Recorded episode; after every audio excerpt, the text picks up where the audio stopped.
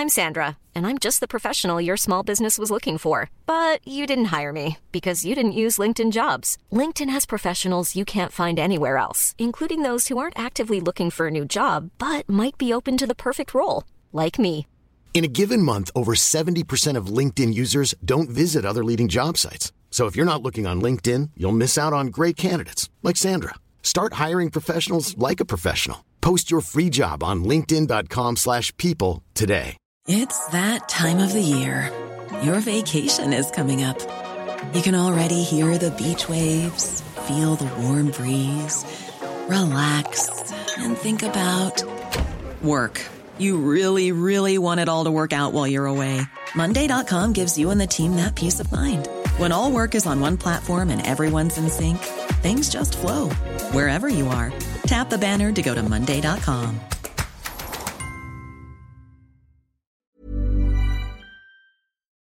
Og da skal vi over til dagens gjest, Marius Gonsolt Hov, som er seniorøkonom i Handelsbanken. Velkommen til oss. Jeg tenkte vi skulle begynne med det Trygve begynte med. At eh, USA overraskende nok satte ned renten 0,5% mellom to rentemøter. Det har ikke skjedd siden finanskrisen. Hva tolker du det som? Nei, altså Det viser jo hvor fort eh, stemningen har snudd. Altså Det skal ikke mange dagene tilbake før utspillene fra sentralbanken var at eh, ja, vi registrerer koronaviruset, dette her gir nedsiderisiko osv., men vi ser an situasjonen. Til at de da i går kutta med 50 basispunkter. Litt sånn i gåseøynene ut av det blå. Det var ikke helt uventa. Det har jo vært mye spekulasjoner nå inn mot dette offisielle rentemøtet som kommer i, i mars. Eh, om et par uker om de ville kutte med 50 punkter da, eller om de ville gå i forkant eh, og kutte før møtet. Så Men, da altså, ser vi jo hva jo de da gjorde. Så det er, det er en markert stemningsskifte i løpet av det som har eh, skjedd. Ja, for De har altså ikke kuttet mellom to rentemøter siden Nei, 2008. og Det var Nei. jo en stor finanskrise som ja. Mm. sjokkerte hele verden. Og Er vi på samme nivå nå? Altså, vi er i en situasjon hvor du får et uh, stort sjokk som er uh, uforutsett, og som er vanskelig å håndtere. Og dette her er jo også vanskelig å håndtere for sentralbankene. For dette her er ikke det et tradisjonelt sjokk i den grad er, vi kan si det om noe. Men dette her er jo et tilbudssidesjokk i stor grad, men de har også effekter på etterspørselssiden. Og vanskelig å bruke styringsrenta som et verktøy mot dette her, men man forsøker i hvert fall noe. Eh, og vi ser at Markedet venter jo at eh, det stopper jo ikke her ikke med det som kom i går. Og det prises jo mer rentekutt nå ved det offisielle møtet som kommer om et par uker. Og markedet er vel litt sånn delt om det blir et vanlig kutt på 25 punkter, eller om det også blir 50 punkter ved det. Og Donald Trump kom jo da ut med en kommentar umiddelbart etterpå. Han tvitret og sa at dette var et altfor lite kutt. Skulle vært mer, og at eh, sentralbanken henger etter istedenfor å ligge i forkant. Og de skulle senke mer. Ja, Det er ikke nye toner fra før. At, at han syns rentene uansett der er for høye. Ja. Eh, Så det er klart han, eh, han vil jo også synes det i dagens situasjon. Mm. Nei, men altså, det, det viser hvor fort ting har snudd i løpet av eh, bare en drøy ukes tid. Men så hører vi også at, at denne beslutningen til Fed da, i går legger press på europeiske Mm. sentralbanker. For nå må kanskje Europa også handle, og Mm. det er litt raskere. Ligger vi bak? Tenker på eh, Norge, eller vi Ja, som i Europa? Europa. Ja, nei, altså det, det er jo klare forventninger til at de andre sentralbankene følger på. Eh, Det som er litt spesielt eh, med USA, er jo at de har hatt et høyere rentenivå til å begynne med, så de har muligheten å ta litt større jafs. Når vi snakker om eurosonen, så er det jo lite å gå på. Styringsrente på minus 0,5% Man snakker om mulighet for kutt da til minus 0,6 eh, sånn i første omgang, som markedet forventer nå. Men de har jo veldig lite å gå på på nedsiden. De er såpass langt nede i kjelleren på rentesiden fra før. Hvis vi retter blikket mot Norge, da. Norge har jo vist seg å være et uh, ganske utsatt land for korona. I løpet av en liten uke har vi hatt Det er bare eh, Ullevål sykehus. Ja, pluss plus litt flere regioner. Vi har jo mange tilfeller i Bergen. Vi har fått i Trondheim, Tromsø, Rogaland, Enebakk. Ja, hadde vi ikke hatt Ullevål sykehus, så hadde det vært ganske bra internasjonalt, tenker jeg, også i forhold til befolkningen. Men Men med den smitten vi nå har fått med Ullevål sykehus, så, så har vi jo da en risiko for at det skal spre seg ganske mye mer. Og De har, de, har, de har 280 personer i karantene, da. Ja. Ansatte. Nei, altså dette, dette mm, vokser jo eksponentielt. Det er jo det man ser når du først begynner å få utbrudd. Altså, eh, bare litt sånn tilbake igjen til USA også. Det er jo ikke mange dagene sine vi bare hadde en håndfull registrerte tilfeller der, til at det tallet plutselig spratt opp. Uh, og nå venter man jo at dette her vil bli Ja, du vil jo få multiple-varianten av dette her fremover. Og så for ikke å snakke om mørketallene. For ja, i en rekke land så får man jo aldri full oversikt så, så dette, dette er vil, jo, Jeg har jo null medisinsk kompetanse, men dette er det vil. dette Ja, vi vil eskalere. Men, men, men, men, men, ja. Men noen sier jo ironisk, altså, med en viss ironisk undertone sier mange det at, eh, at et rentekutt, altså sentralbanken setter ned renten, eller andre sentralbanker setter ned, hjelper jo ikke veldig mye med koronaviruset. Det hjelper ikke veldig mye på det. Nei, og, og som sagt, jeg var litt inne på det i stad. Det, som, eh, det som er viktig rundt dette her, når vi snakker om de økonomiske konsekvensene, det er jo eh, hvor mye økonomisk aktivitet som er stengt ned som følge av dette. her, og Det er jo særlig det vi har sett i Kina. og Nå har vi begynt å få de første tallene der, og det er liksom rett i kjelleren fordi at alt stopper opp. Eh, Så dette er jo et stort sjokk på tilbudssiden i økonomien, og det er vanskelig å rette opp det med å kutte renta. Men så er det det at det gir også etterspørselsvirkninger. og du kan si at eh, Jo lenger man stenger ned kapasiteten, så vil jo det gå utover lønninger, inntekter osv. Så, videre, så det vil jo forplante seg til et større etterspørselssjokk også. det er det man ja, forsøker å ja, avhjelpe. Det blir masse sånn eh, lærebokøkonomi, dette her, men det er jo også åpenbart at altså, når man senker renten på den måten eh, sentralbanken Fed gjorde, da, Mm. eller Norges Bank kommer til å gjøre, eller andre banker som er på minus allerede, så er det fordi at man liksom kanskje på den ene siden skal få da næringslivet til å investere litt mer, Mm. altså litt mer likviditet, litt mer lavere kostnader, lavere renter, lavere kostnader, Mm. og at da konsumdelen eller publikum generelt da får litt mer penger mellom hendene og bruker det. Men det kan jo godt tenkes at nå, i den situasjonen folk er, koronaviruset er såpass uklart og vanskelig, at selv om du får litt mer penger mellom hendene fordi renten er lavere, så vil du ikke bruke dem. Nei, og det er på, altså, du får ikke fabrikkene opp igjen, og du får ikke folk tilbake igjen i butikkene, for å si litt tabloid. da. Eh, Men samtidig så er det sånn at det, det kan avhjelpe likevel den økonomiske situasjonen ved å dra ned rentekostnadene. Ja. Eh, og det er jo kanskje den type målretta virkemidler man kan snakke om hvis man skal tenke i termer av finanspolitikk også. Eh, der har vi jo sett noen meldinger fra Sverige i dag om lønnskompensasjon for de bedriftene som rammes osv. Ja, og kortere arbeidsdager. Eh, Ja. Så, så, så, så det er nok eh, mer den type tiltak som man eh, forsøker seg på. Men, men det er klart vi, vi har jo ikke gode verktøy for å håndtere de negative økonomiske konsekvensene av dette her. Men forsiden på Finanstilsynet i dag, altså det er jo veldig mange selskaper som også er avhengig av produkter fra Kina. og Det får de jo rett og slett ikke Nei. nå. Eh, Når er det vi kommer til å se ringvirkningene av altså Kina er jo åpenbart det hardest rammede landet i denne eh, koronakrisen foreløpig. Men når er, det begynner, når er det vi nordmenn begynner å merke ringvirkningen av korona? Nei, De er nok her allerede. Altså, eh, vi har jo sett at eh, tysk bilindustri var jo ganske tidlig ute og meldte at de hadde problemer, for de fikk ikke lever leveranse fra Kina. Og dette er en viktig handelspartner for Norge. og vi er jo en Norge er jo en liten åpen økonomi, som vi sier. Det betyr at vi eksporterer en god del direkte, men vi eksporterer også til mange land via tredjeland, slik som vi finner i eurosonen. Eh, og vi er jo også avhengig av å importere fra utlandet for å ferdigstille våre produkter som vi eksporterer ut. Så dette er jo eh, ganske kompliserte verdikjeder som vi snakker om her. Eh, problemet litt sånn fra analysesiden er at nøkkeltallene, altså de harde tallene, de publiseres jo med i hvert fall en måneds tidsforsinkelse. Eh, og mye av det vi snakker om av den virkelige uroen, det oppsto egentlig forrige uke. Så, så det er jo sånn at en del av de tallene som kommer inn for norsk økonomi nå, som vi får mot slutten av uka bl.a., det er jo januartall. Så det er jo bygons. De kan man ikke se på når det, det- gjelder den reelle det, situasjonen. det sier ingenting om hva som egentlig skjer nå. Og februartallene vil jo også være forholdsvis lite påvirka i og med at det var kun mot slutten av, slutten av februar at dette slo til. Så jeg tenker at når vi begynner å få marstall og sånn utover, så begynner vi å se det mer sånn reelt i tallene. Men, men vi ser jo nå som er ganske interessant, som alle ser, man bør ikke være god samfunnsøkonom eller annen type økonom, det vi ser nå er jo det at folk reiser av det eller mindre. Ja, det, men, altså Virkningene er jo her. Ja, virkningen er, Ja, altså Flyene men- er halvfulle istedenfor fulle. Og for å få de halvfulle så må da flyselskapene sette ned prisene. slik at liksom effekten er sannsynligvis ganske kraftig i, i flyselskapene. I, og det får de se på regnskapene. Og, det er og så kommer da hotellene.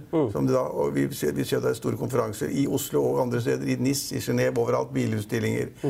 Eh, eiendomskonferanse i Cannes, som vi pleier, vi pleier å ha folk på. Stort arrangement eh, i DNB hadde her i, skulle hatt i forgårs, et sånt shippingseminar. Jeg skulle vært der.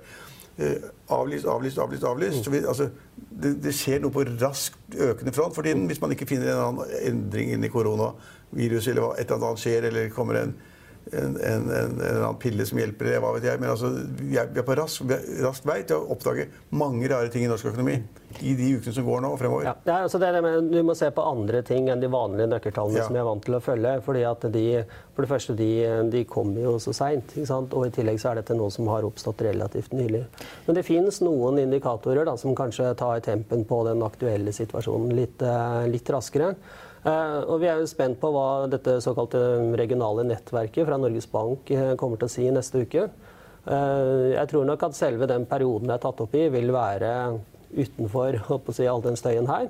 Men jeg håper jo at Norges Bank har kjørt noe spesialtema og tatt noen ekstra ringerunder rundt, eh, rundt dette her. sånn, Så at vi prøver, får litt sånn større forståelse for ikke bare hvilke næringer som rammes, men, men hvordan og hvilke tilstøtende Men, men tror du næringer ikke, det er et veldig godt poeng, men tror du ikke at eh, de som svarer på de undersøkelsene i Norges Bank, tror du ikke de mange der vil svare, jeg kan ikke tallene, men mange vil svare at de ser litt skumlere ut, og de ser litt dårligere ut, Jo, og det går litt dårligere? Ja, ja, men jeg bare tenker, Hvis du ser på nettverket, vi følger liksom totaltallene Ja, der først. Måleperioden der er februar, eh, slutten av januar, hele februar. Mm. Eh, og det betyr at du har en stor del av, den, av responsen der er jo fanga opp For tidlig. uten- ja, for tidlig, før dette her brøt løs.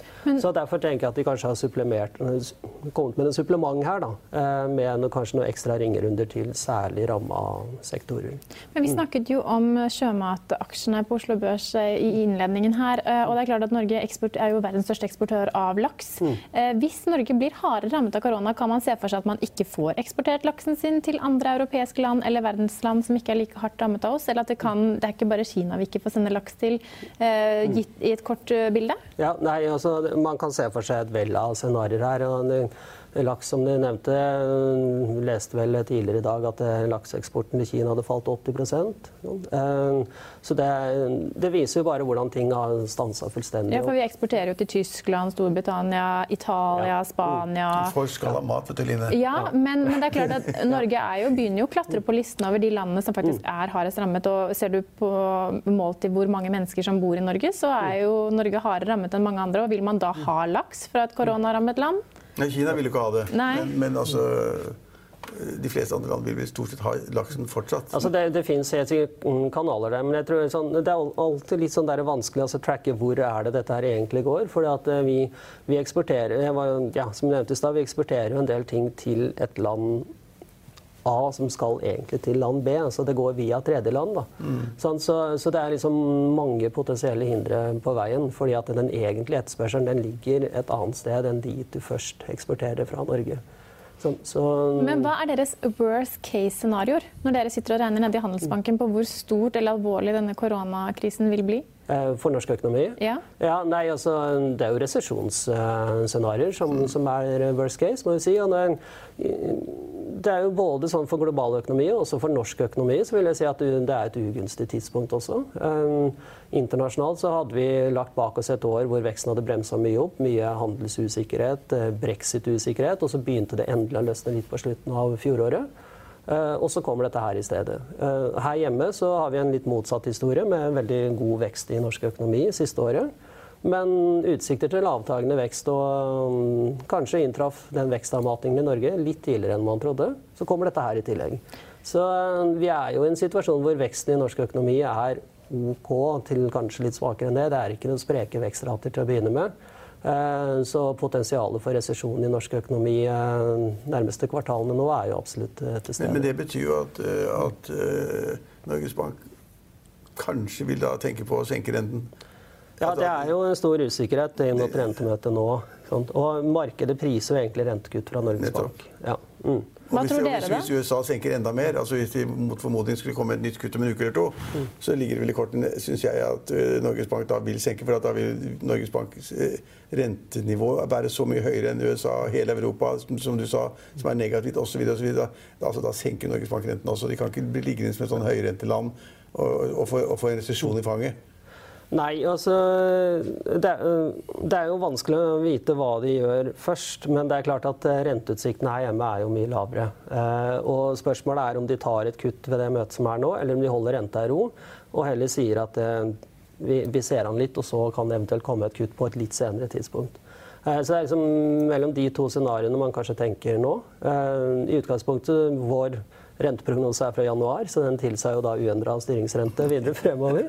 Den er ikke oppdatert nå, men det er klart vi peker på den nedsiderisikoen. Men det klarer du her bare i studio. Det er litt oppdatert. Ja, det bare får ringe Kari først. Jeg må ta en liten prat med Ja, ja, Kari. men det- Men, men altså, det er klart Jeg vet hva svaret blir. At utsiktene er såpass mye svakere at det er mer nærliggende at Norges Bank sitter ned enn at den holder Men- ned. Men samtidig, altså, altså det er andre forhold også som gjør at altså Kronekursen er svakere enn de regner med.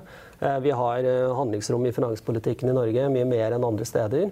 Eh, Det er argumenter for at Norges Bank tross alt kan sitte og se gjennom dette her sånn. Kan. Kan. Ja. Så, så vi har ikke tatt noen endelig beslutning på liksom, hva vi tror vi kommer til å gjøre der. For det avhenger litt av ja, rett og slett hva som skjer de neste par ukene nå. Eh, Hva de andre sentralbankene gjør, og hvor presserende eventuelt eh, blir. Men la oss være enige om at ingen av oss er eksperter på koronasmitte. Men, men det vi på en måte ser, er jo at det spres veldig raskt. Og, og Kina er kanskje over det verste, selv om de fortsatt har eh, spredning der også. Og så har det kommet til Europa og USA og en rekke andre kontinenter.